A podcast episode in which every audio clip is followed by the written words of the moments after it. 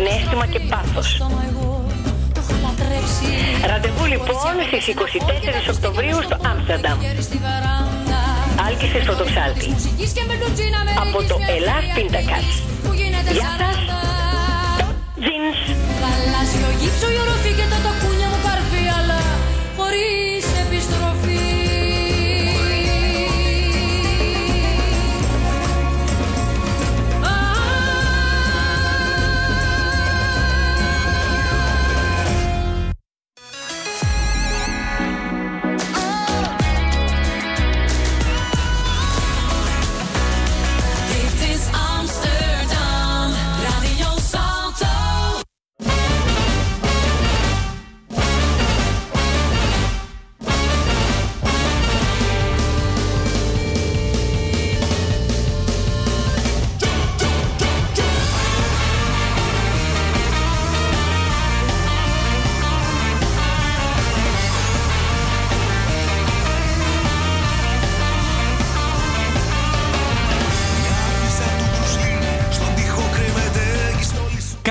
Καλησπέρα από ένα βροχερό, φθινοπορεινό Άμστερνταμ. Καλή σεζόν να έχουμε. Ξεκινάμε με ένα δυνατό θέμα, την πρώτη εκπομπή της νέας σεζόν. Εσείς, βέβαια, όπου και αν βρίσκεστε, όπου και αν είστε, ακούτε ασφαλώς Ελλάς Πίντακα. Στη μόνη ελληνική εκπομπή, στα ελληνικά FM, ζωντανά όπως κάθε Πέμπτη, 9 με 10 το βράδυ, τοπική ώρα, στο μικρόφωνο του Ράδιο Σάλτο, ο Νίκος Κουλούσιος.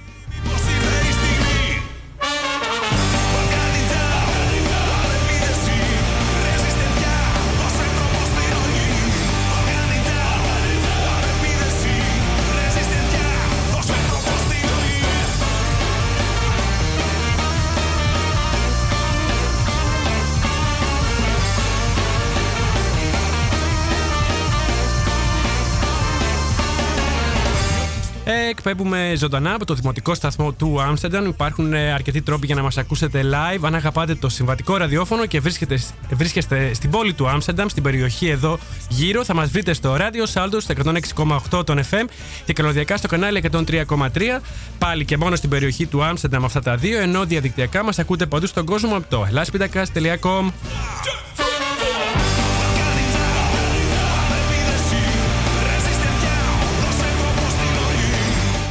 Απόψε θα κάνουμε ποδαρικό στη νέα σεζόν με την αποκλειστική συνέντευξη που παραχώρησε η Άλκη τη πρώτο ψάλτη στο Hellas Πίντακα. Εν ώψη φυσικά της μεγάλης συναυλίας που θα δώσει η καλλιτέχνηδα στις 24 του Οκτώβρη στη σκηνή του Μέλκφεχ. Λίγο πριν τι συναυλίε σε Ντίσσελντορφ, Λουξεμβούργο και Άμστερνταμ, η πρωταθλήτρια των μεγάλων μουσικών επιτυχιών μίλησε στο Hellas Πίντακα τηλεφωνικά και σήμερα θα ακούσουμε αποσπάσματα από τη συνέντευξη με την κυρία Πρωτοψάλτη και θα παίξουμε και τραγούδια της, φυσικά για να θυμηθούμε τι σημαίνει καλό ελληνικό τραγούδι που αντέχει στο χρόνο μείνετε συντονισμένοι, μην το κουνήσετε ρούπι, γιατί απόψε θα ξεκινήσει και ο διαγωνισμός για τις δωρεάν διπλές προσκλήσεις που θα δώσει η εκπομπή σε τρεις τυχερούς για να δούνε και να ακούσουν ζωντανά την άλκιστη, την άλκιστη πρωτοψάλτη στο Άμστερνταμ στις 24 του Οκτώβρη. Το κομμάτι που ακούμε τώρα και δίνει μουσικά την έναξη της εκπομπής κάθε Πέμπτη ανήκει στους Μπαίλτισα, λέγεται Balkan Ninja και ευχαριστώ την μπάντα που μου το παραχώρησε για το Hellas Πίνακας.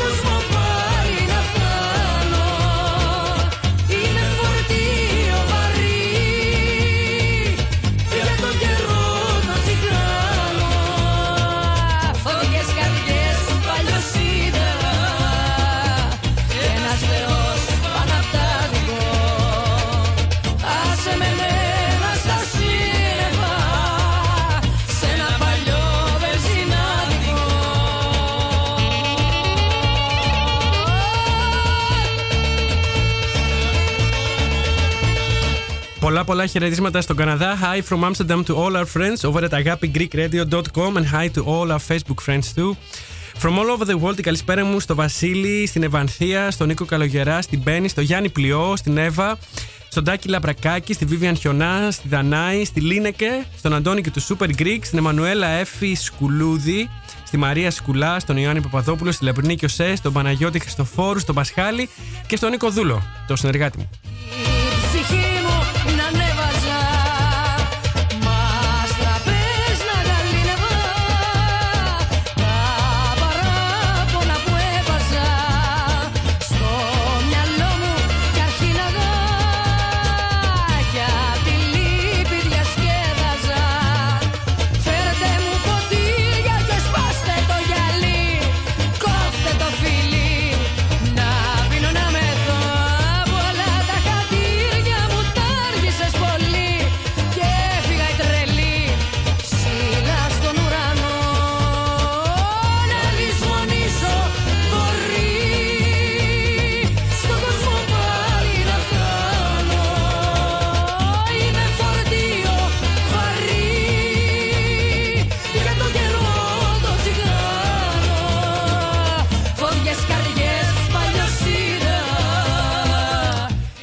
Έχουμε ήδη περάσει στην καλεσμένη μου μουσικά φυσικά. Ε, στην καλεσμένη μου για απόψε, που δεν είναι άλλη από τη μοναδική Άλκη στην Πρωτοψάλτη, με την οποία ηχογραφήσαμε μια τηλεφωνική συνομιλία που κράτησε εσύ 43 λεπτά. Αποσπάσματά της θα ακούσουμε απόψε. Έχω μια κυβωτό που πιάνει τα κατώ και από τα φιλιστρίνια μαύρα νερά λουστρίνια τα κοιτώ. Η άλκης της με μια φωνή καθαρή σαν κρίσταλο, γεμάτη δύναμη σαν από ατσάλι και δωρική σαν αρχαίος κύωνα, μας χαρίζει μοναδικές στιγμές συγκίνησης και απόλαυσης εδώ και 43 χρόνια.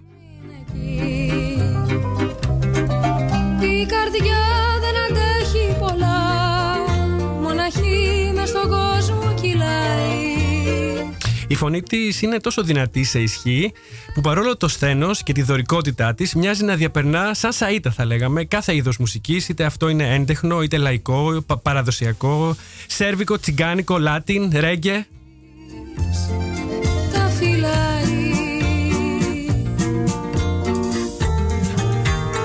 Η ερμηνεία της από την άλλη έχει μια μελωδικότητα και μια εκφραστικότητα που δίνει χρώμα και νόημα στην ένταση και τη στιβαρότητα της φωνής της. Είναι ο τέλειος συνδυασμός θα λέγαμε.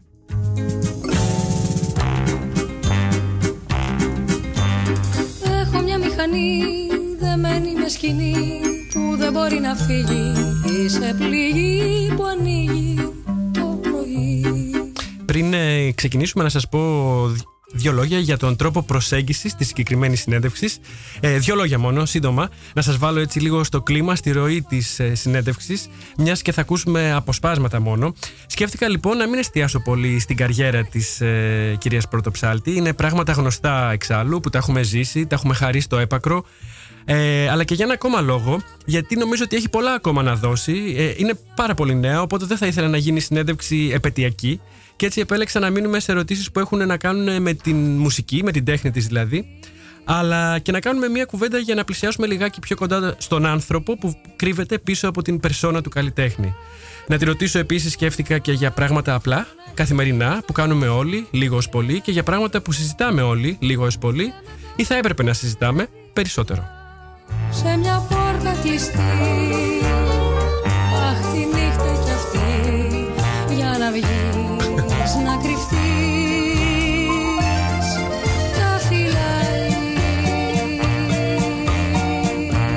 Αυτά για εισαγωγή. Τώρα πάμε να ακούσουμε το πρώτο μέρος της συνέντευξης. Άλκης της Πρωτοψάλτη, αποκλειστικά στο Hellas Πίντακας. Έχουμε στη γραμμή την Άλκης Πρωτοψάλτη. Καλησπέρα από το Άμστερνταμ. Καλησπέρα στο Άμστερνταμ. Πού σας βρίσκουμε αυτή τη στιγμή; Αυτή τη στιγμή με πετυχαίνετε ε, ένα μισάωρο πριν πάω στο στούντιο για να γράψω ένα καινούριο τραγούδι με τον ε, νεαρό συνθέτη τον Peppercat. Το μαθαίνετε και σε πρώτη, σε πρώτη αποκλειστικότητα. Τι ωραία, ευχαριστούμε πολύ για την παρακαλώ, είδηση. Παρακαλώ. Ναι, στην Αθήνα είστε βέβαια, έτσι, στην Αθήνα. Ναι, τώρα είμαστε στην Αθήνα. Αφού έχουμε γυρίσει τον πλανήτη δύο φορές, τώρα είμαστε στην Αθήνα. Και είμαστε πανευτυχείς που θα έρθουμε, πρώτα πάμε Αμερική και μετά θα έρθουμε σε εσάς. Ωραία. Ε, θα τα πούμε και αυτά λίγο προς το τέλος. Ξεκινώντας να σας πω ότι σκέφτομαι να μην εστιάσω πολύ στην καριέρα, στο κομμάτι της καριέρας σας. Είναι πράγματα γνωστά που τα έχουμε ζήσει, τα έχουμε αγαπήσει, τα έχουμε χαρεί απείρω. Ε, αλλά και γιατί έχετε πολλά ακόμα χρόνια μπροστά σας, νομίζω, να μας χαρίσετε μοναδικές μουσικές στιγμές. Οπότε δεν θα ήθελα να γίνει μια ανασκόπηση ή κάτι το επαιτειακό. Ε, ό,τι θέλετε, δεν έχω θα πρόβλημα. Θα προτιμούσα, ναι, να μείνουμε σε ερωτήσεις που έχουν να κάνουν με τη μουσική, με την ναι, ναι, τέχνη. Ναι, ναι, με την κανένα τέχνη πρόβλημα. Σας. Κανένα πρόβλημα. Ε, πάμε να παίξουμε όπως θέλετε. Δεν Ωραία. υπάρχει θέμα κανένα. Να το πιάσουμε λίγο από την αρχή. Γεννηθήκατε στην Αλεξάνδρεια.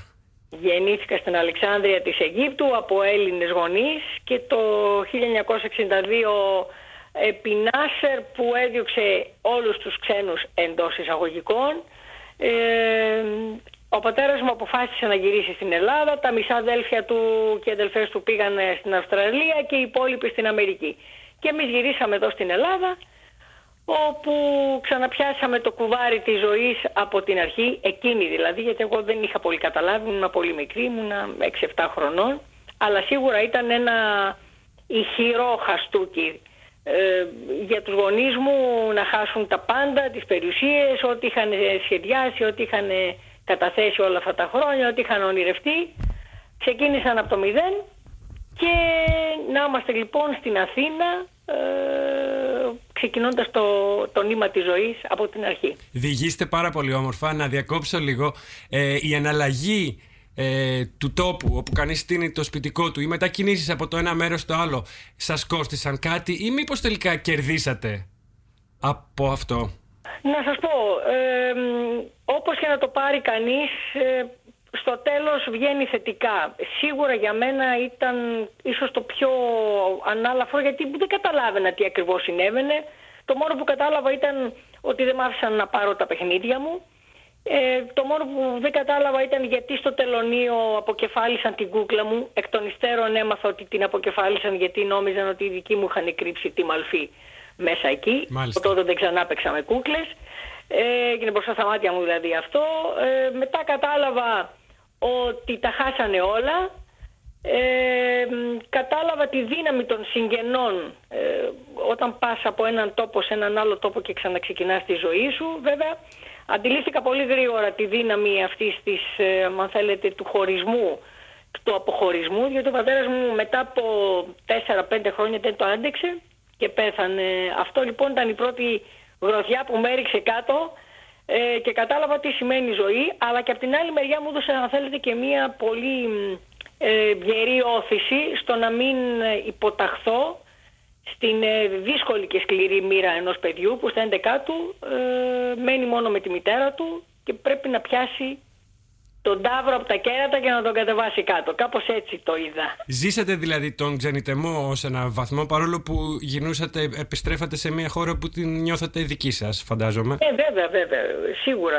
Είμαστε ε, επί της ουσίας πρόσφυγες εντός εισαγωγικών. Βέβαια, αλλιώς ακουγόταν η λέξη αυτή το 1962 και αλλιώς ακούγεται το 2019. Έχει τεράστια απόσταση. Παρ' όλα αυτά, συμπάσχεται αυτή τη στιγμή μετά όλα όσα συμβαίνουν γύρω μας, φαντάζομαι. Εννοείται. Ναι. Μα μέσα στην κοινωνία είμαι, ναι. αισθάνομαι, νιώθω, ακούω, στενοχωριέμαι πάρα πολύ. Ε, ειδικά, ειδικά για τα νησιά μας και όλες τις πόλεις που έχουν αυτή τη στιγμή ε, όλους τους μετανάστες και έχουν αν θέλετε σηκώσει όλο το βάρος του μεταναστευτικού διότι όπως και να έχει το πράγμα η Ελλάδα είναι μια πολύ μικρή χώρα και αν δεν συμβάλλει η Ευρώπη για αυτό το θέμα ε, σε πολύ χρονικό, μικρό χρονικό διάστημα θα έχουμε τεράστια προβλήματα. Ήδη έχουμε προβλήματα. Δηλαδή τα νησιά μας, τα, στα Δωδεκάνησα έχουν τεράστια προβλήματα. Και αν θέλετε να σας πω και κάτι, όταν υπήρξα για 22 μέρες υπουργός τουρισμού στην υπηρεσιακή κυβέρνηση, γιατί ήταν ε, μια θέση τιμητική το τονίζω αυτό, δεν, στο αίμα μου τρέχει μουσική, δεν τρέχει πολιτική. Ε, οι τρεις συναυλίες που είχα υποσχεθεί ότι θα τις κάνω, όλες οι, οι αμοιβέ πήγαν ε, στην κυρία Καλογύρου η οποία τις προώθησε με το δικό της τρόπο και όπως εκείνη νόμιζε σε όλα τα νησιά που εκείνη την περίοδο είχαν τα πρώτα προβλήματα αν θέλετε.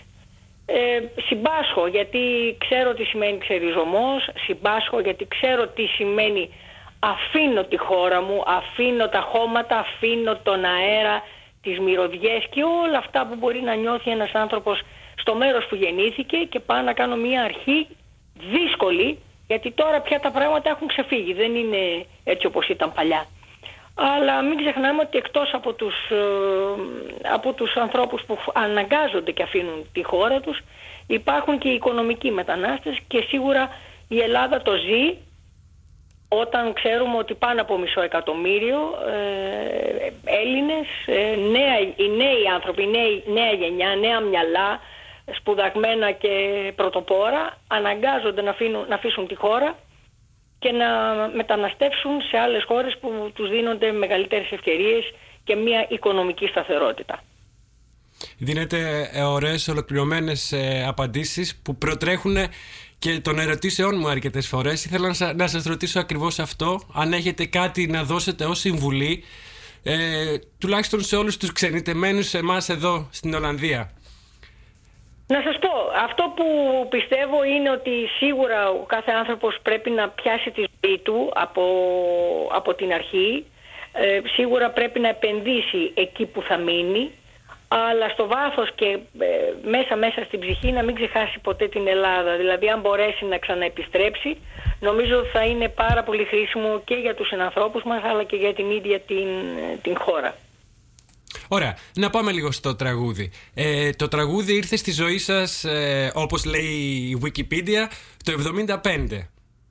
Το 75, 74-75, ναι. μόλις τέλειωσα το γυμνάσιο, με βρήκε ο συνθέτης ο Δήμος ο Μούτσης και έπεσα κατευθείαν στα βαθιά λέγοντας για πρώτη φορά η πρώτη μου δισκογραφία ήταν σε ποίηση σε Φέρι, Καβάφη, Ρίτσου και Καριωτάκη ποιητές που βέβαια τους ήξερα γιατί η μητέρα μου ήταν δασκάλα οπότε τους αγαπούσε πάρα πολύ και είχα, είχα μεγάλη γνώση απέναντι σε αυτούς τους ποιητές. Βέβαια είναι αλλιώς να το διαβάζεις στο βιβλίο και αλλιώς να το τραγουδάς. Αλλά ήταν ίσως η πιο ευλογημένη στιγμή στη ζωή μου γιατί εκείνη την ώρα κατάλαβα ότι εκτός από τον αθλητισμό που τον υπεραγαπούσα και ήμουνα και πολύ καλή ήμουνα, είχα, είχα πανελλήνιο στα 100 Αυτό μέτρα είναι γνωστό. επί 100 σκηταλοδρομία αλλά στο, στο τελευταίο γύρο με διαφορά στήθους όταν χτύπησε το καμπανάκι με κέρδισε το τραγούδι. Ε, έτσι απλά ξεκίνησα και ξέρετε ότι καμιά φορά δεν πάει κάποιος γυρεύοντας. Νομίζω ότι τα πράγματα έρχονται πιο φυσιολογικά. Ε, αυτό που μπορώ να πω μετά από 44 χρόνια που είμαι σε αυτό που λέγεται ελληνικό τραγούδι, ελληνικός πολιτισμός, είναι ότι τίποτα δεν μου χαρίστηκε. Το όνομα και στην πρωτοψάλτη κρύβει εκατομμύρια ώρες δουλειάς, ε, προσήλωσης, αφοσίωσης, σεβασμό απέναντι στον κόσμο και στον ίδιο μου τον εαυτό και πάντα με στόχο να ανακαλύπτω καινούργια πράγματα, καινούργια ρεύματα, να ανοίγω δρόμους και ασματώνουν τα χέρια.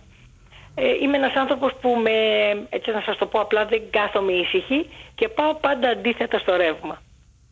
Ωραία. Ε, ήθελα να μου πείτε για την πρώτη σας φορά επί σκηνής, στο πάλκο, στη σκηνή. Ε, πώς ήταν αυτή η εμπειρία και αν, αν τη θυμάστε, ε, αναρωτιέμαι. Τι λέτε τώρα, ξεχνιέται. Ναι. Ήταν ε, στο Παλέντε Σπορ στη Θεσσαλονίκη. Αλήθεια, εγώ είμαι και Θεσσαλονικιός, αλήθεια. Ναι, ναι, ναι, ναι, ναι. Παρουσιάζαμε για πρώτη φορά την τετραλογία και ήταν μαζί μας ο Μανώλης ε, ο Μητσιάς, μεγάλο όνομα ο, Μα, ο Μανώλης, ήταν ο Χρήστος ο Λετωνός, ο οποίος δεν υπάρχει στη ζωή, η Βασιλική Λαβίνα και κάποιος νομίζω Μιχάλης Ακριβόπουλος. Εν πάση περιπτώσει, εγώ ε, είχα τρελαθεί, είχα, είχα όχι τρακ, το τρακ ωχριούσε μπροστά σε αυτό που μου συνέβαινε ήταν η πρώτη φορά που έβγαινα σε κόσμο και είχε 5.500 κόσμο το Παλέ ντε Σπορ. Έκλεισε η φωνή μου. Φίσκα που λέμε, φίσκα. Ναι. ναι. Μου λέει ο Μούτσης δεν υπάρχει περίπτωση να μην βγεις. Μου λέει φάε μια ασπιρίνη ωμή. Μου την έλειωσε σε ένα κουτάλι. Μου λέει πάρε μια ασπιρίνη και φά' τηνα και θα δεις που θα ανοίξει η φωνή σου. Βέβαια εντάξει ήταν τρικ αυτό. Έτσι οι φωνές δεν ανοίγουν με, με, μια ασπιρίνη. Αλλά το θυμάμαι, θυμάμαι και την έκφρασή του, θυμάμαι και το δικό μου τρόμο που βγήκα στη σκηνή και έπρεπε να αντιμετωπίσω 5.500 άτομα. Αλλά νομίζω ότι η πρώτη κριτική που γράφτηκε στα νέα, το λέω το θυμάμαι γιατί ξέρετε είναι κάποια πράγματα που μένουν σφραγίδα στη ζωή ενός Βέβαια, βέβαια. Ναι. Ε, έγραψαν ότι ε, ο Δήμος Μούτης ανακάλυψε μία νέα τραγουδίστρια, την άλλη στην Πρωτοψάλτη, η οποία είναι ο θηλυκός ε, Μπιθικότσης. Νομίζω δεν υπήρχε πιο κολακευτικό σχόλιο για ένα νέο κορίτσι την ώρα που ξεκίναγε να γραφτεί. Έτσι είναι. Ε, εγώ είχα σημειώσει παρακάτω να σας πω από πλευράς μου ότι βρίσκω τη φωνή σας να έχει μία δύναμη και μία καθαρότητα και αυτά τα δύο νομίζω ήταν στοιχεία και του, και του Μπιθικότσι. Ε, τολμώ να πω, δεν τον έχω ζήσει και Και ε, μεγάλος τραγουδιστής. Πάρα πολύ. Είσαι ναι.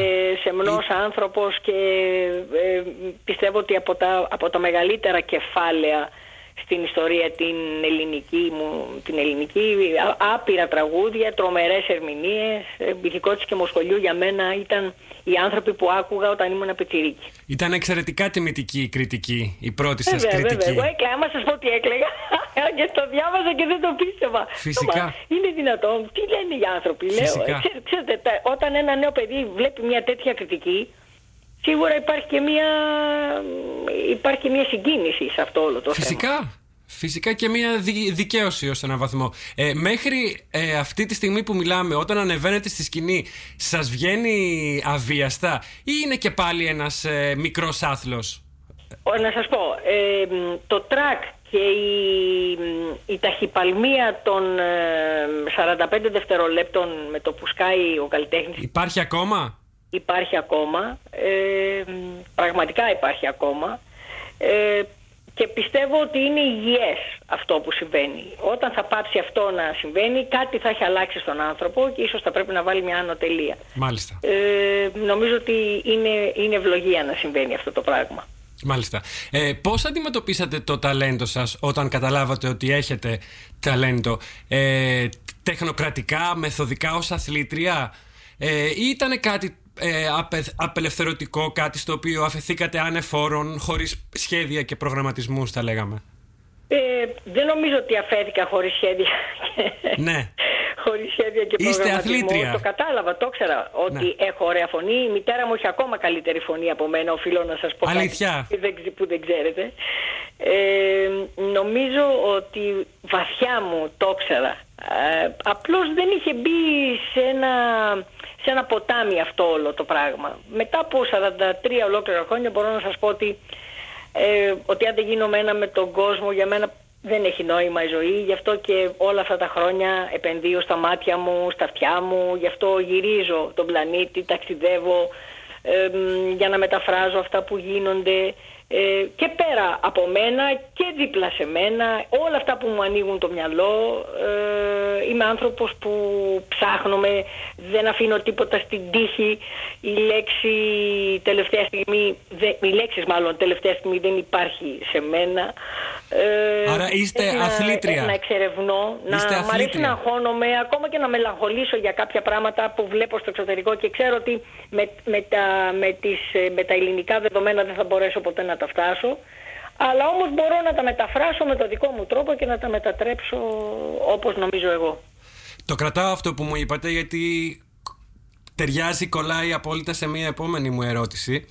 Ε, μ, ήθελα όμως να ρωτήσω ως ερμηνεύτρια και ως δημιουργός ποιες είναι οι στιγμές που όλο αυτό γίνεται δύσκολο; Υπάρχουν μάλλον στιγμές που γίνεται ε, ακόμα και ανυ, ανυπόφορο. Πότε τα βρήκατε σκούρα; Νομίζω δεν τα έχω βρει σκούρα γιατί υπάρχει απίστευτη προετοιμασία. Ε, ένας άνθρωπος όταν ε, οργανώνεται, όταν δουλεύει για το αποτέλεσμα και αυτό που έχει ονειρευτεί, η, η αγωνία υπάρχει μόνο ως καλλιτεχνική στιγμή. Δεν υπάρχει αγωνία το πώς θα εξελιχθεί αυτό το πράγμα γιατί είναι, είναι ξέρετε σαν κέντημα. Ε, μ, αυτή λοιπόν τη θάλασσα συναισθημάτων που δημιουργείται για την καινούρια, ας το πούμε για το καινούριο όνειρο πρέπει να την, να την δαμάσεις πριν πατήσεις το πόδι σου στη σκηνή. Και μ, όσοι είναι κοντά μου ξέρουν πολύ καλά ότι στη- οι πρόβες είναι ανελαίτες και ότι δεν υπάρχουν ρολόγια στις πρόβες. Και κάνω 7-8 τζενεράλε πριν την κανονική τζενεράλε. Οπότε όλα αυτά εξανεμίζονται και το μόνο που γίνεται και το μόνο που συμβαίνει είναι όταν ξεκινάει μια παράσταση να τη χαιρόμαστε μέχρι τα μέσα της ψυχής μας. Αυτό είναι σημαντικό, είναι μαθήματα ζωής. Αυτά που μας λέτε. Τις αντικσότητες της ζωής τώρα, πώς τις αντιμετωπίζετε, Λειτουργείτε συνήθως με το μυαλό και αντιδράτε με το μυαλό ή με την καρδιά; Οι αντικσότητες πάντα θα υπάρχουν, αλλά πιστεύω ότι ο κάθε άνθρωπος τις αντιμετωπίζει ανάλογα με την ηλικία του. Ε, παλιά ήμουνα πιο... έπαιρνα φωτιά αμέσως σε κάτι που δεν μ' άρεσε ή σε κάτι που ένιωθα ότι υπάρχει άδικο ή αχαριστία κλπ. κλπ. Όσο μεγαλώνει ο άνθρωπος έχει μία ε, διαφορετική αντίληψη. Δηλαδή υπάρχει μια ηρεμία εσωτερική, το σκέφτεσαι, το ξανασκέφτεσαι, δεν αντιδράς με τον τρόπο, δηλαδή τώρα δεν αντιδρώ με τον τρόπο που αντιδρούσα στα 20 μου. Ε, αντιδρώ με ένα, αν θέλετε, πιο, ας μου επιτραπεί η λέξη, πιο σοφό τρόπο εντός εισαγωγικών. Δεν θα μιλήσω, δεν θα πω σκληρές κουβέντες, γιατί ξέρετε, άπαξ και βγει μια λέξη από το στόμα αυτή, δεν μπορείς να την πάρεις πίσω. Πιο ισορροπημένα. Ναι, ε, νομίζω ότι αφήνω λίγο το χρόνο να κυλήσει και μετά ε, προσπαθώ να, να βρω μία λύση στο πρόβλημα. Δεν είμαι των άκρων. Ε, ίσως των άκρων θα ήμουν σε ελάχιστες περιπτώσεις στη ζωή μου, ε, μετρημένες ε, στα δάχτυλα. Αλλά είμαι άνθρωπος γενικά που μ' αρέσει να βρίσκω λύσεις, μ' αρέσει, μ αρέσει η παρέα, μ' αρέσει η συντροφικότητα, μ' αρέσει το καλλιτεχνηλίκι εντός εισαγωγικών. Ξέρετε, με όλους τους ανθρώπους που έχω συνεργαστεί δεν σημαίνει ότι ε, ταιριάζαμε και σαν άνθρωποι, αλλά εγώ ήθελα από αυτούς να τους βγάλω την ψύχα τους, το καλύτερό τους, το καλύτερο εαυτό όπως έβγαζα και εγώ τον δικό μου και μπορεί να μην ταιριάζαμε σε τίποτα άλλο. Ε, έτσι είναι ο καλλιτέχνης. Δεν σημαίνει ότι με όποιον συνεργάζεσαι γίνεσαι και κολλητός. Υπάρχει μια βέβαια αμοιβαία εμπιστοσύνη, υπάρχει, υπάρχει μια χαρά, υπάρχει μια δημιουργία, υπάρχει το κοινό όνειρο αλλά δεν τέριαζα και με όλους τους ανθρώπους που έχω συνεργαστεί. Ε, τα πράγματα είναι πολύ πιο απλά. Ναι. Φίλους, φίλους κολλητούς έχετε, επιστήθιους που λέμε; Ε, ε φυσικά. Παιδικούς φίλους από τα παλιά έχετε κρατήσει, ήταν ε, δυνατό; Να σας πω όχι, δεν έχω κρατήσει ναι. γιατί ούτως ή άλλως τα μονοπάτια της ζωής μας έχουν στείλει σε διαφορετικά ε, σε διαφορετικούς δρόμους. Αλλά σίγουρα χαίρομαι πάρα πολύ όταν συναντώ ας πούμε, μιας μαθήτριά μου ή συναντώ μια φίλη μου από πολύ παλιά. Ε, είμαι άνθρωπος που δεν ξεχνώ, είμαι άνθρωπος που μου αρέσει να κρατώ τις επαφές, αλλά ξέρετε λόγω της δουλειάς, ναι, ναι, ναι. ε, δεν μπορείς να είσαι κοντά ε, σε πάρα πολλούς ανθρώπους. Οπότε Λένε... Ό,τι προλαβαίνω. Ναι, ναι. Λένε για τους φίλους ότι είναι η οικογένεια που διαλέγουμε, που διαλέξαμε. Έτσι το νιώθετε κι εσείς; Ε, όχι ακριβώς. όχι. Ε, δεν ξέρω ποιος το έχει πει αυτό, αλλά για μένα η οικογένεια είναι ιερή, οι συγγενείς μου είναι, είναι πολύ κοντά μου, όπως και οι φίλοι μου είναι πολύ κοντά. Σίγουρα υπάρχουν και οι εξαιρέσεις, δηλαδή με κάποιους ανθρώπους συνήθως συγγενείς δεν τα πας καλά. Α μην τα ανοίξουμε αυτό. Είναι μέσα από το, από το αίμα της οικογένειας, οπότε στα δύσκολα τα ξεχνάς όλα και είσαι πάντα ε, κοντά και δίνεις πάντα, πάντα το παρόν. Ωραία, να ρωτήσω και κάτι άλλο, μιας και μιλήσαμε για την επαφή που, που κρατάτε με παλιούς φίλους. Ε, πόσο millennial είστε, για παράδειγμα, είστε κολλημένοι στο κινητό σας, παθιάζεστε με τα social media; Είμαι. Ε, μάλλον η, αντιμετώπιση που έχω στα, στα media ε, είναι υγιής. Όταν ε, υπάρχει λόγος ε, θα είμαι κολλημένη, όταν δεν θα υπάρχει λόγος δεν ανοίγω το κινητό. Μάλιστα, μάλιστα. δεν μπαίνω καν στα mail μου. Νομίζω ότι έχω βρει μια πολύ όμορφη ισορροπία. Είμαι λάτρης του Instagram. Αυτό οφείλω να σας το ομολογήσω. Δηλαδή από όλα αυτά. Ωραία. Λατρεύω το Instagram. Ωραία. Ε, αλλά δεν είμαι άνθρωπος που κάθε μέρα θα βάλω και μια φωτογραφία. Δηλαδή μπορεί να περάσει και μια εβδομάδα. Ανάλογα, ανάλογα ξέρετε, με τη, με τη ζωή και την κατάσταση. Δεν, αυτό δεν μπορείς να το πεις. Αλλά σίγουρα υπάρχει μια υγιή σχέση. Αυτό σας το λέω ε, παίρνοντας σαν παράδειγμα γιατί μου έκανε πολύ μεγάλη εντύπωση η δήλωση του, του Τσιτσιπά ότι αποφάσισε να τα κλείσει όλα και μόνο η εταιρεία του να ασχοληθεί. Προφανώς μάλλον πρέπει να, να ήταν πάρα πολλές ώρες πάνω σε αυτά και να είχαν από την προπόνησή του. Ε, συμφωνώ ίσως με αυτό που έκανε και μπράβο του. Ε, πιστεύω ότι και τα νέα παιδιά πρέπει να, να λίγο να απεγκλωβιστούν από όλη αυτή την κατάσταση γιατί ξέρετε είναι οδυνηρό να μην μπορείς να βγεις έξω και να μιλήσεις, να ανταλλάξεις σκέψεις, όνειρα, ωραίες ιδέες και όλοι να είναι πάνω σε ένα κινητό, ακόμα και δίπλα-δίπλα και να ανταλλάσσουν μηνύματα. Αυτό δηλαδή εμένα με τρελαίνει. Άρα, να ρωτήσω εδώ κολλάει, ε, πιστεύουμε στη νέα γενιά, πιστεύουμε ότι μπορεί να φανεί αντάξια των καιρών και των προκλήσεων; Που ζει και που ζούμε. Ε, ε, ούτως ή άλλως η νέα γενιά είναι το μέλλον. Η νέα γενιά... Θα τα καταφέρει; Πιστεύω ότι θα τα καταφέρει, ναι.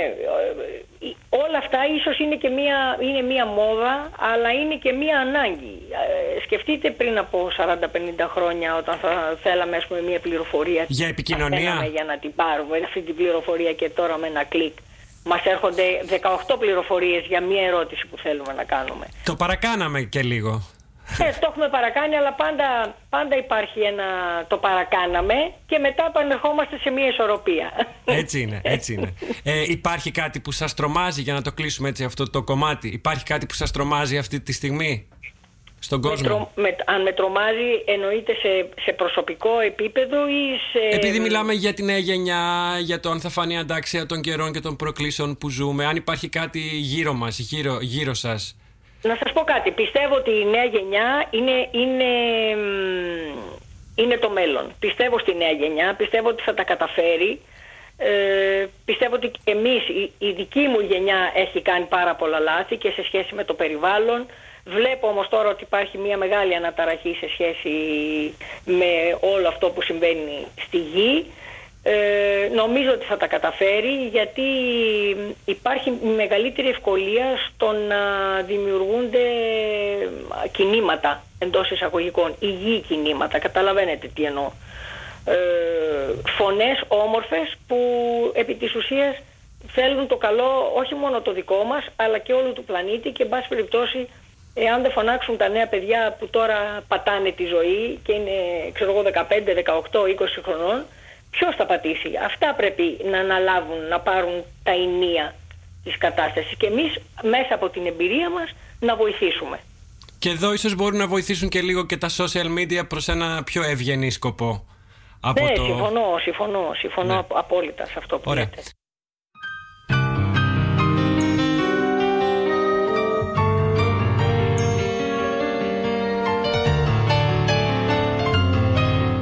Κάνουμε τώρα ένα μικρό διάλειμμα. Ακούμε ήδη άλλο ένα πασίγνωστο και πολύ αγαπημένο κομμάτι από την Άλκηστη. Θα πάρουμε μια μουσική ανάσα. Το κομμάτι είναι φυσικά η έξοδος κινδύνου.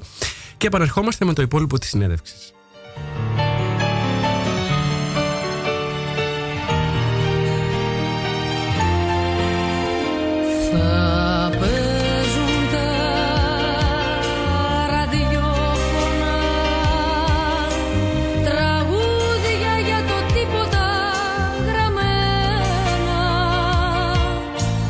Νύχτα στα μικρόφωνα θα κλέβει την παράσταση για σένα. Τα σώματα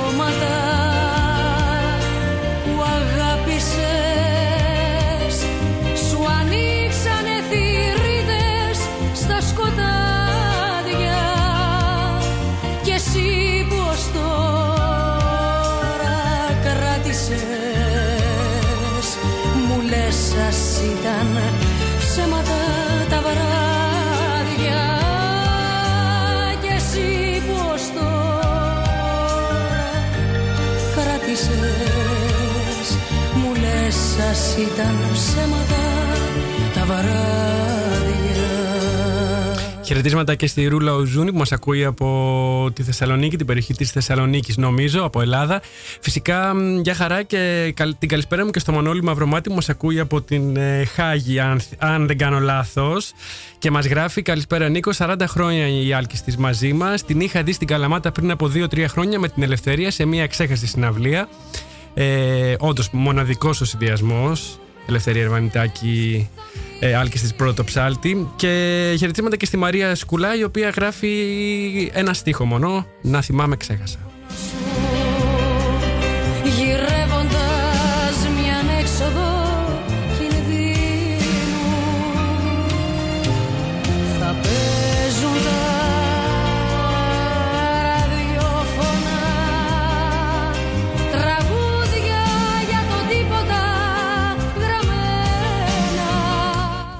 Όποιος ενδιαφέρεται για μια διπλή πρόσκληση για τη μεγάλη συναυλία που θα δώσει η Άλκη τη Πρωτοψάλ στις 24 του Οκτώβρη στη σκηνή του Μέλκφεχ εδώ στο Άμστερνταμ, μπορεί να στείλει ένα email στο hellasπίνακα.gmail.com με το όνομα, το επίθετο και το τηλέφωνο του. Όλα τα ονόματα θα μπουν σε κληροτίδα και θα κληρώσουμε μια εβδομάδα πριν από τις 24 του Οκτώβρη τους τρεις τυχερούς που θα πάρουν τις διπλές προσκλήσεις. Την παράσταση για σένα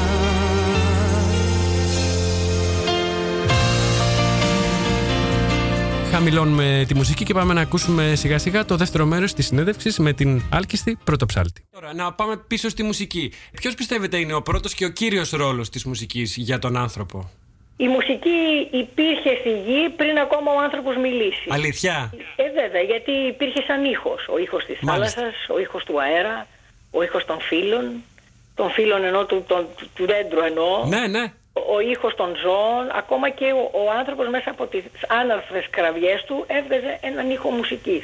Για μένα αν η γη δεν είχε μουσική θα ήταν πάρα πολύ μονότονη και αδιάφορη.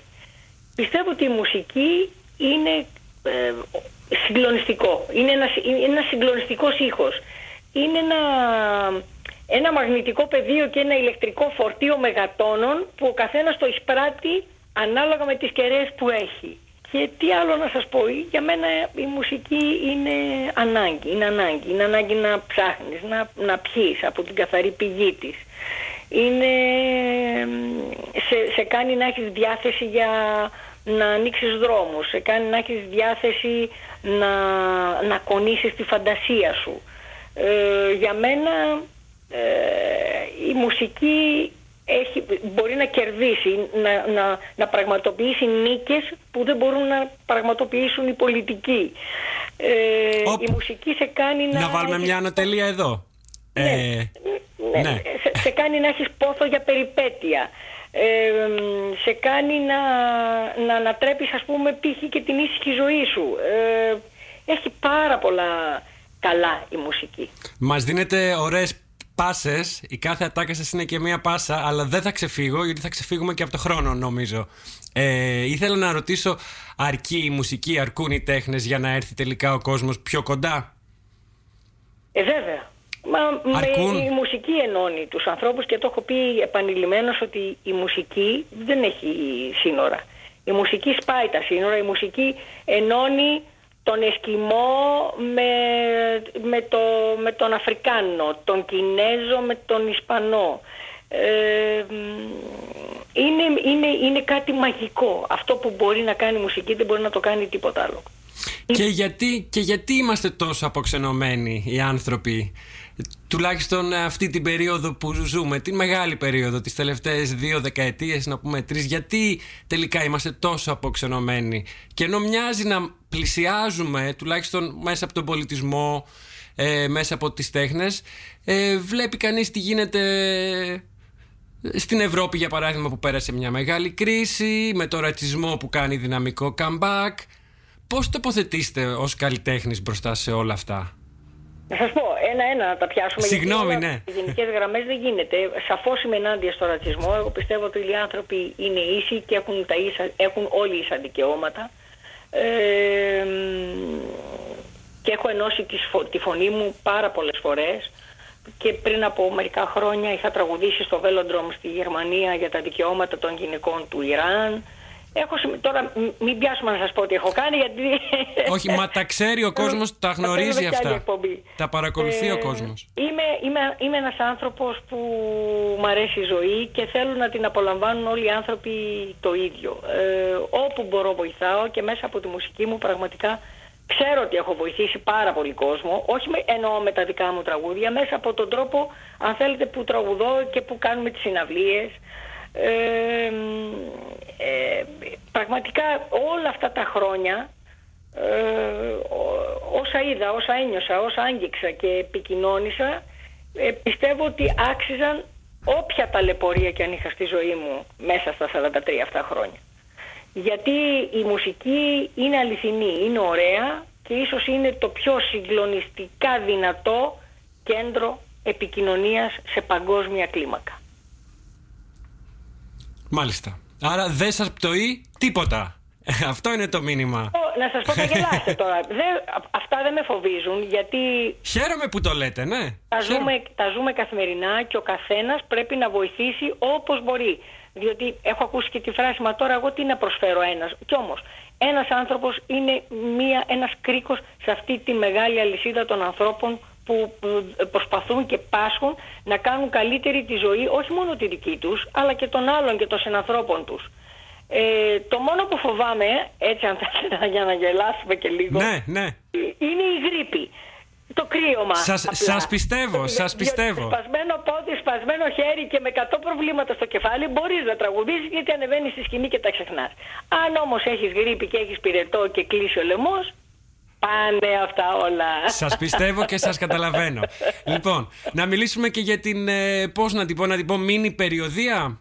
Ναι. Θα μου πείτε πού ακριβώς πηγαίνετε, έρχεστε πρώτα στο Άμστερνταμ και μετά πηγαίνετε Ντίσσελντορφ και ε, Λουξεμβούργο; Μισό λεπτό. 23 Οκτώβρη είστε στο Ντίσσελντορφ, βλέπω, στη Γερμανία. Και 21 Οκτώβρη είστε στο Λουξεμβούργο, άρα είναι ο τελευταίος σταθμός το Άμστερνταμ, 24 του Οκτώβρη. Α, ναι, ναι, αυτό. Πρώτα αυτή πάτε στο. Παράσταση, να τα πάρω λίγο από την αρχή. Ναι. Αυτή η παράσταση ξεπίδησε μέσα από μια, ένα πολύχρωμο πάνελ συναισθημάτων ε, δικής μου, αν θέλετε, εσωτερικής εξωστρέφειας. Είναι το πιο εξωστρεφές πρόγραμμα που έχω κάνει τα τελευταία 20 χρόνια. Μουσικά. Πραγματικά, όποιος, όποιος δεν είναι ψυχολογικά πολύ καλά μπορεί να έρθει στη συναυλία. Ωραία. Θα φύγει καινούριος έτσι για να το, πω, να το πω πάρα πολύ απλά. Θα χορέψουμε κιόλας. Ε, Θα είναι χορέψουμε. τραγούδια που έχουμε αγαπήσει, είναι τραγούδια που έχουμε χορέψει, που έχουμε ε, σιγομουρμουρίσει, είναι τραγούδια που έχουμε ερωτευτεί. Έτσι λοιπόν την παράσταση την ονόμασα σε απευθεία σύνδεση. Ε, δεν είναι ε, με, χωρίς κεραίες και wifi, είναι ολοζώντανο, live σε απευθεία σύνδεση. Ε, με, με πέντε μουσικούς που βγάζουν φωτιά. Αυτό πήγε όλο το χειμώνα στην Αθήνα, στον Καζάρτε, σε ένα χώρο πραγματικά που εκπέμπει πολιτισμό. Πήγε σε όλη την Ελλάδα. Ε, πάμε τώρα στην, ε, στη Βοστόνη και παίζουμε στο Harvard University στις 29 Σεπτεμβρίου.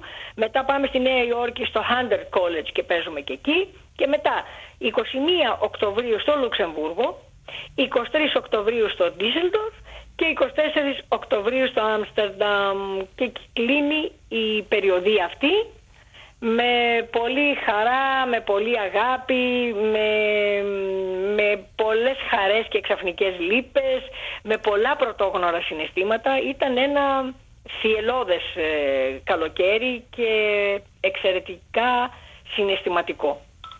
Πείτε μου κάτι, πόσο διαφορετικό είναι το αίσθημα να τραγουδάτε ε, έξω από την Ελλάδα, έξω από τη χώρα; Να σας πω, η... το συνέστημά μου είναι σχεδόν ίδιο. Ε, ίσως με μικρή διαφορά στήθους, το εξωτερικό αν θέλετε με τριγκάρει περισσότερο γιατί έχω τη δυνατότητα μόνο για μία βραδιά να να τα δώσετε όλα. τον κόσμο. Ναι. Να τον κάνω να ξεχαστεί, να τον κάνω να τραγουδήσει, να τον κάνω να ξεχάσει ό,τι τον απασχολεί, να διεισδύσει στην ψύχα της ελληνικής μουσικής και της ελληνικής γλώσσας, γιατί σίγουρα δεν απευθυνόμαστε μόνο σε Έλληνες, αλλά υπάρχουν και ξένοι εντός εισαγωγικών ναι, ναι. μέσα σε, σε κάποια συναυλία. Βέβαια, βέβαια. Ε, για μένα είναι, είναι πολύ σπουδαίο να μπορώ να μεταφέρω την ελληνική μουσική ε, σε όλα τα μήκη και τα πλάτη της γης και με τον τρόπο που θέλω, με τους μουσικούς που θέλω, με την οργάνωση παραγωγής που όπως τη θέλω. Ε, είναι, είναι, είναι πολύ σπουδαίο και πολύ όμορφο να συναντιέσαι με τους ανθρώπους ε, εκτός Ελλάδος. Ε, διέκρινα λίγο στην αρχή, προς την αρχή από ε, μία απάντησή σας ότι ε, είναι και σαν ένα κρυφός πόθος το να ε, μπορούσατε να είχατε βγει έξω, να κάνετε ίσως και μια καριέρα στο εξωτερικό; Να σας πω. Σωστά αυτό, το διέκρινα; Αυτό, αυτό είναι, είναι μια ουτοπία επί της ουσίας. Διότι αυτό, αν δεν γίνει όταν είσαι 17-18 χρονών, μετά δεν μπορείς να το κάνεις, διότι είναι άλλα τα στάνταρ του εξωτερικού. Είχατε την άλλες... ευκαιρία; Ορίστε; Είχατε την ευκαιρία, υπήρχε Είχα σαν. την ευκαιρία, αλλά κάτι δεν μου πήγαινε καλά στον τρόπο που θέλαν ε, την παρουσία μου, οπότε προτίμησα να μπορώ να μεταφέρω το, την ελληνική ψυχή στα πέρατα του κόσμου από το να αλλάξω αυτό που είμαι εγώ. Ε, το να κάνεις διεθνή καριέρα δεν είναι τόσο απλό. Διεθνή καριέρα έχει κάνει η Ναναμούσκουρη, έχει κάνει ο, από τους Aphrodite's Child ο Ντέμις Ρούσο. Ακριβώς. Ε, βασικά σημαίνει ότι ο καλλιτέχνης πρέπει, ε, δεν πρέπει να ζει στην Ελλάδα και να πηγαίνει έρχεται, θα πρέπει να ζει και στο εξωτερικό. Ακριβώς. Είναι βασικό. Το, το, η επόμενη μου πρόταση ήταν αυτή. Ναι. Εγώ, αν θέλετε να σας πω κάτι, μου ήταν δυσβάσταχτο. Θα σας ρωτούσα τώρα αν θα μπορούσατε να ζήσετε σε μια τίποτα, άλλη χώρα με πλην τίποτα, της με τίποτα, Ελλάδας. Με τίποτα. Όχι. Προτιμώ αυτό που κάνω χίλιες φορές και να κοιμάμαι με ένα χαμόγελο στα χείλη ξέροντας ότι ξυπνάω στη χώρα μου και όποτε θέλω πάω και κάνω κάποιες συναυλίες ε, οι οποίες είναι πάρα πολλές, μην νομίζετε ότι είναι μόνο αυτές. Όχι, όχι. Τελευταία- τα τελευταία χρόνια έχουμε γυρίσει τη γη πέντε φορές. Ο κόσμος γνωρίζει, τα γνωρίζει αυτά γιατί τα παρακολουθεί και νομίζω συμμετέχει όπου μπορεί. ναι, ναι, ναι, ναι, ναι, ναι, ναι, συμμετέχει Ναι. και αν θέλετε να σας πω ότι είναι πιο, πιο έφλεκτη η ψυχή των ανθρώπων που, μένει, που μένουν εκτός Ελλάδος. Άρα αυτό που εισπράτεται είναι, είναι λίγο διαφορετικό στο εξωτερικό από αυτό που εισπράτεται από ένα κοινό στην Ελλάδα που σας βλέπει ίσως και λίγο πιο συχνά. Όχι ίσως, Ε, σίγουρα πιο συχνά. Όχι, σίγουρα πιο συχνά γιατί έχει και τις δυνατότητες να σε δει και στην Αθήνα και στην επαρχία και στα νησιά και παντού και μ, όπου, όπου, όπου ο καθένας μπορεί να κάνει τις διακοπές του κλπ. κλπ, κλπ. Αλλά το, για μένα είναι μια τρελή πρόκληση το να παίζεις ένα βράδυ μόνο στο θέατρο ε, στο εξωτερικό και σε εκείνο το βράδυ να τα δώσεις όλα, όχι ότι δεν τα δίνεις όλα και στην Ελλάδα, αλλά είναι διαφορετικό. Είναι διαφορετικό, δεν μπορώ να σας το εξηγήσω ακριβώς, γιατί φοβάμαι ότι οι λέξεις καμιά φορά οχριούν μπροστά σε αυτό που πραγματικά συμβαίνει. Μάλιστα. Τώρα, ε, ε, πείτε μας για το Άμστερνταμ και την Ολλανδία. Τι γνωρίζετε, αν έχετε έρθει. Ε, νομίζω συναυλία δεν έχετε κάνει στην Ολλανδία. Στη, στο Άμστερνταμ είχα κάνει Α, πολύ παλιά, πολύ πριν παλιά. από μπορεί να είναι και 10 χρόνια. Μάλιστα. Είχαμε με τον Στέφανο τον Κορκολί πιάνο φωνή. Δεν θυμάμαι τώρα σε ποιο θέατρο είχαμε παίξει. Α, δεν, το έχασα τελείως γιατί ήμουν εδώ πριν 10 χρόνια. Το είχα χάσει τελείως. Ε, άρα γνωρίζετε κα- κάποια ναι, πράγματα. Έχω έρθει πολλές φορές, μου αρέσει πάρα πολύ. σαν Σας συντριγκάρει; πόλη, Αλλά όταν, όταν έρχομαι για διακοπές είμαι αθόρυβη. Α, έχετε έρθει και για διακοπές. Άρα να σας ψάχνουμε εδώ, να σας ψάχνουμε Ω, λίγο. Ναι, δεν θα με βρείτε εύκολα. σα συντριγκάρει η πόλη. Και γιατί; ναι, με τριγκάρει η πόλη, μ' αρέσουν οι άνθρωποι, μ' αρέσει, μ' αρέσουν οι βόλτες, ε, έχει πολύ ωραία στέκια. Τι έχει που δεν έχει η Αθήνα, ας πούμε; Τι έχει που δεν έχει η Αθήνα; Ε, μ, Ένα σωρό πράγματα.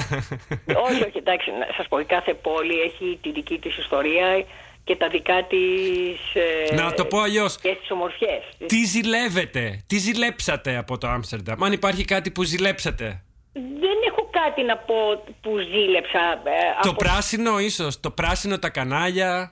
Ε, Ίσως τα κανάλια που δεν τα έχουμε στην Ελλάδα, αλλά να σας πω κάτι, προτιμώ τα ποτάμια και τα ριάκια της. Έτσι είναι Ελλάδος. και τις ακρογιαλιές που δεν έχουν εδώ. Τις, τις ακρογια... Καλά, δεν συγκρίνονται. Οι ακρογιαλιές της Ελλάδας δεν συγκρίνονται με καμία, Ναι, ναι, με ναι, καμία ναι. στον κόσμο. Ε, ίσως αν θέλετε τα τελευταία χρόνια, γιατί έχω έρθει δύο-τρεις φορές, ζήλεψα την ε, χαλαρότητα και το ότι υπήρχαν πολύ χαμογελαστοί άνθρωποι στον κόσμο, ε, στο, ε, ε, γύρω από εμά, Στο δρόμο, ναι. στα, στις pub, στα μπαρ, στα εστιατόρια, άκουγες γέλια, υπήρχε μια χαλαρότητα στον κόσμο, δεν υπήρχε καθόλου κατήφια που δυστυχώς στην Ελλάδα τα τελευταία χρόνια ε, αυτό το γκρίζο σύννεφο ήταν πολύ από πάνω μας. Έτσι είναι. Ε, Ένας Ολλανδός. Γιατί να έρθει να σας ακούσει, γιατί να πάρουν οι Έλληνες τους Ολλανδούς φίλους και τις φίλες τους και να τους φέρουν στο Melkfest στις 24 του Οκτώβρη; Ε, νομίζω για έναν απλό λόγο. Για να νιώσουν τον παλμό της ελληνικής μουσικής και τον τρόπο που συμμετέχουν οι Έλληνες και αντιδρούν μέσα από τα τραγούδια. Επίσης η γλώσσα μας είναι ε, μια γλώσσα συγκλονιστική που τραγουδιέται από μόνη της ενώ είναι τραγουδι... έχει, έχει έχει μελωδία. Έχει δεν χρώμα. Είναι, δεν είναι δύσκολη, δεν έχει πολλά σύμφωνα. Έχει ωραία φωνή έντα. Και επίσης και οι μελωδίες, τις, οι ελληνικές μελωδίες είναι καταπληκτικές. Γνωρίζετε ότι υπάρχουν στην Ολλανδία ε, χοροδίες που αποτελούνται κατά βάση από Ολλανδούς που τραγουδάνε ε, ελληνικό ρεπερτόριο. Μόνο. Υπάρχει, αυτό δεν το ήξερα. Υπάρχει μία στο Άμστερνταμ, υπάρχει μία ε, στο Ρότερνταμ νομίζω και μία ακόμη έχω ακούσει. Και υπάρχουν και ε, συλλογοί που χορεύουν παραδοσιακούς χορούς και αποτελούνται τα μέλη τους είναι κατά βάση Ολλανδοί και πάλι. Εγώ όταν το είχα μάθει, τους έχω καλέσει και στην εκπομπή βέβαια, ε, μου είχε κάνει τρομερή εντύπωση, δεν το πίστευα. Και υπάρχουν και Ολλανδοί που παίζουν και τραγουδούν ρεμπέτικα. Και παίζουν και τραγουδούν. Τώρα; Ναι, ναι, βέβαια. Καλά, αυτό είναι το πιο συγκλονιστικό νέο της συνέντευξης. Νομίζω θα κάποιοι από αυτούς ε, θα είναι και στην ε, συναυλία γιατί τα παρακολουθούν τα ελληνικά τα δρόμενα. Πιθανόν, να δουν και έναν άλλο τρόπο, και έναν άλλο τρόπο έκφρασης της ελληνικής μουσικής. Ε, που, γιατί τώρα τι να σας πω τώρα για ποιο λόγο. Εντάξει και εγώ αν με ρωτήσετε για ποιο λόγο θέλω να πάω στην Κούβα ξέρω να σας πω για ποιο λόγο γιατί μου αρέσει η, μουσική τη, έτσι πως παίζουν οι Κουβανοί. Ε, ή ξέρω εγώ γιατί μου αρέσει να πάω στην Αφρική γιατί είναι πρωτόγρονα τα όργανά τους και πολύ μπρουτάλ έτσι όπως τα παίζουν. Στην Κίνα επίσης γιατί έχουν αυτά τα φλαουτάκια τα οποία εισχωρούν στην ψυχή. Δηλαδή, ξέρετε, αυτό είναι τι θέλει ο καθένας. Άλλος μπορεί να ευχαριστιέται με Μότσαρτ, Μπαχ και Βιβάλτη, άλλος με, με νησιώτικα, άλλος ακούγοντας τη Μαρία Κάλλας και δεν ξέρω τι. Πιστεύω πάντως ότι όποιος και να έρθει σε αυτή την παράσταση αν είναι ξένος κάτι θα το αφήσουμε. Δεν υπάρχει περίπτωση. Ένα, ένα όμορφο χρώμα στην ψυχή του θα του το αφήσουμε. Δεν, δεν υπάρχει, αυτός σας διαβεβαιώ. Το ξέρω γιατί επειδή έχω γυρίσει πάρα πολλά θέατρα του εξωτερικού. Ξέρω ότι μου λένε μετά το πέρας της συναυλίας. Ότι ξέρετε ότι και πολλοί θέλουν να έρθουν στην Ελλάδα να τη γνωρίσουν μέσα από τη μουσική. Αυτό έχει γίνει... Είμαι σίγουρος. Ναι. ναι, και στο Μεξικό και παντού. Δηλαδή υπάρχουν άνθρωποι που μέσα από τη μουσική αγαπούν τη χώρα μας. Είναι Είμαι σίγουρος. Είμαι σίγουρος. Ε, νομίζω να μην σας κουράσω άλλο. Από πλευράς μου, αν έπρεπε να συνοψίσω, να δώσω κι εγώ κάτι από, από προσωπικής μου ας πούμε, θέση, θα έλεγα ότι σας αγάπησα μέσα από τα τραγούδια του, του Κραουνάκη και της Νίκολα Κοπούλου, μεγαλώνοντας. Ε, σας ξανά αγάπησα μέσα από τη συνεργασία σας με τον Μπρέγκοβιτς. Ε, και έπειτα εδώ πλέον στην Ολλανδία σας απόλαυσα και μας κάνατε ιδιαίτερα υπερήφανους ε, στους Ολυμπιακούς Αγώνες στην τελετή. Ε, δεν σας έχω δει και ακούσει ακόμα ζωντανά. Ε, αλλά αυτές είναι οι στιγμές από την πορεία σας που με έκαναν ε, να λέω υπερήφανο ότι είμαι ε, φαν δικό σας. Αγαπημένο κομμάτι σας από τα παλιά παρόλα αυτά είναι και η έξοδος κινδύνου. Θέλω να το πω αυτό για την ιστορία. Ωραία. Και το έχω παίξει αρκετές φορές στην εκπομπή. Ε, Όπως έχω παίξει και τη διασκευή που κάνατε τη Ρέγγε. Αχ, ποιο είναι το κομμάτι; Τη Χαβάη. Τη Χαβάη. Το έχω παίξει, το έχω λιώσει το κομμάτι αυτό. Ε, καλά, αυτό το, αυτό το έχουμε μέσα στο πρόγραμμα και πάντα παντού όπου και να το παίξουμε σε, όλο το, σε, όλη, σε όλη τη γη έχουμε τις ίδιες αντιδράσεις. Ε, εντάξει, η Ρέγγε είναι ένα, ένα ποτάμι που ούτως ή άλλως έχει διεισδύσει για πολύ, πολύ βαθιά στις ψυχές των ανθρώπων. Ναι. Δηλαδή ούτως και... ή άλλως είναι κάτι που σε ξεσηκώνει. Και ενώνει, ενώνει όπως ενώνει και το ρεμπέτικο σε μια άλλη κλίμακα θα λέγαμε. Ενώνει κόσμο διαφορετικό από τα πέρατα της γης σε μια κουλτούρα που δεν την έχουν ζήσει πολύ από κοντά. Πάντως τους ενώνει όπως και το ρεμπέτικο. Έτσι είναι, όπως το λέτε ακριβώς. Ναι. Όπως το λέτε ακριβώς. Ευχαριστώ πολύ. Είναι αυτό. Ναι. Και χαίρομαι που η μουσική μπορεί και τα κάνει όλα αυτά. Γιατί έτσι για να κάνω και έναν επίλογο για μένα στη μουσική η αιωνιότητα δεν είναι ότι αντέχει στον χρόνο αλλά ότι σφραγίζει μια στιγμή και πιστεύω ότι μέσα στο θέατρο αυτό ε, σίγουρα κάτι θα μείνει σε όλους γιατί και σε μένα μένουν πράγματα ε, μέσα από αυτή την επικοινωνία ε, μέσα από αυτή την απευθεία σύνδεση από τη σκηνή και κάτω και από κάτω προς τα πάνω ό,τι είναι αληθινό ε, πιστεύω ότι διδύει στις ψυχές των ανθρώπων και μένει και σημασία έχει να θυμούνται οι άνθρωποι αυτή τη βραδιά, αυτή τη στιγμή. Ε, αυτή είναι η σημασία της μουσικής. Ευχαριστώ πάρα πολύ για το χρόνο σας, για την προθυμία και την όλη η κουβέντα που είχαμε. Να είστε καλά, ευχαριστώ πολύ και εγώ και θα σας δω από κοντά. Σας περιμένουμε με περισσή χαρά και ολίγη αγωνία, ανυπομονησία εδώ στο Άμστερνταμ στις 24 του Οκτώβρη και μέχρι τότε να είστε πάντα καλά και καλή αντάμωση. Σας ευχαριστώ πάρα πολύ Θα τα πούμε από κοντά. Γεια χαρά. Γεια χαρά.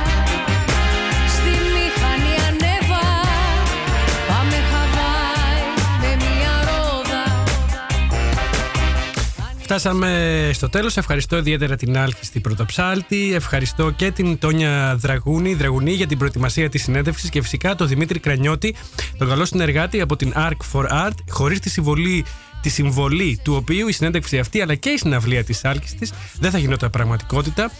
Τους περιμένουμε όλους εδώ, σας περιμένουμε όλους εδώ στο Άμστερνταμ στις 24 του Οκτωβρίου για τη συναυλία της άλκης της στο Melkweg. Μέχρι τότε να είστε όλοι καλά.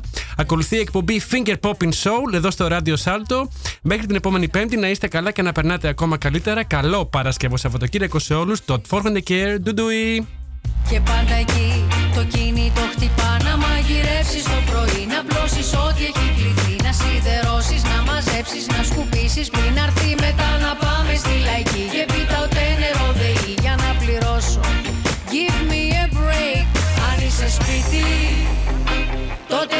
ετοιμάσου για Χαβάη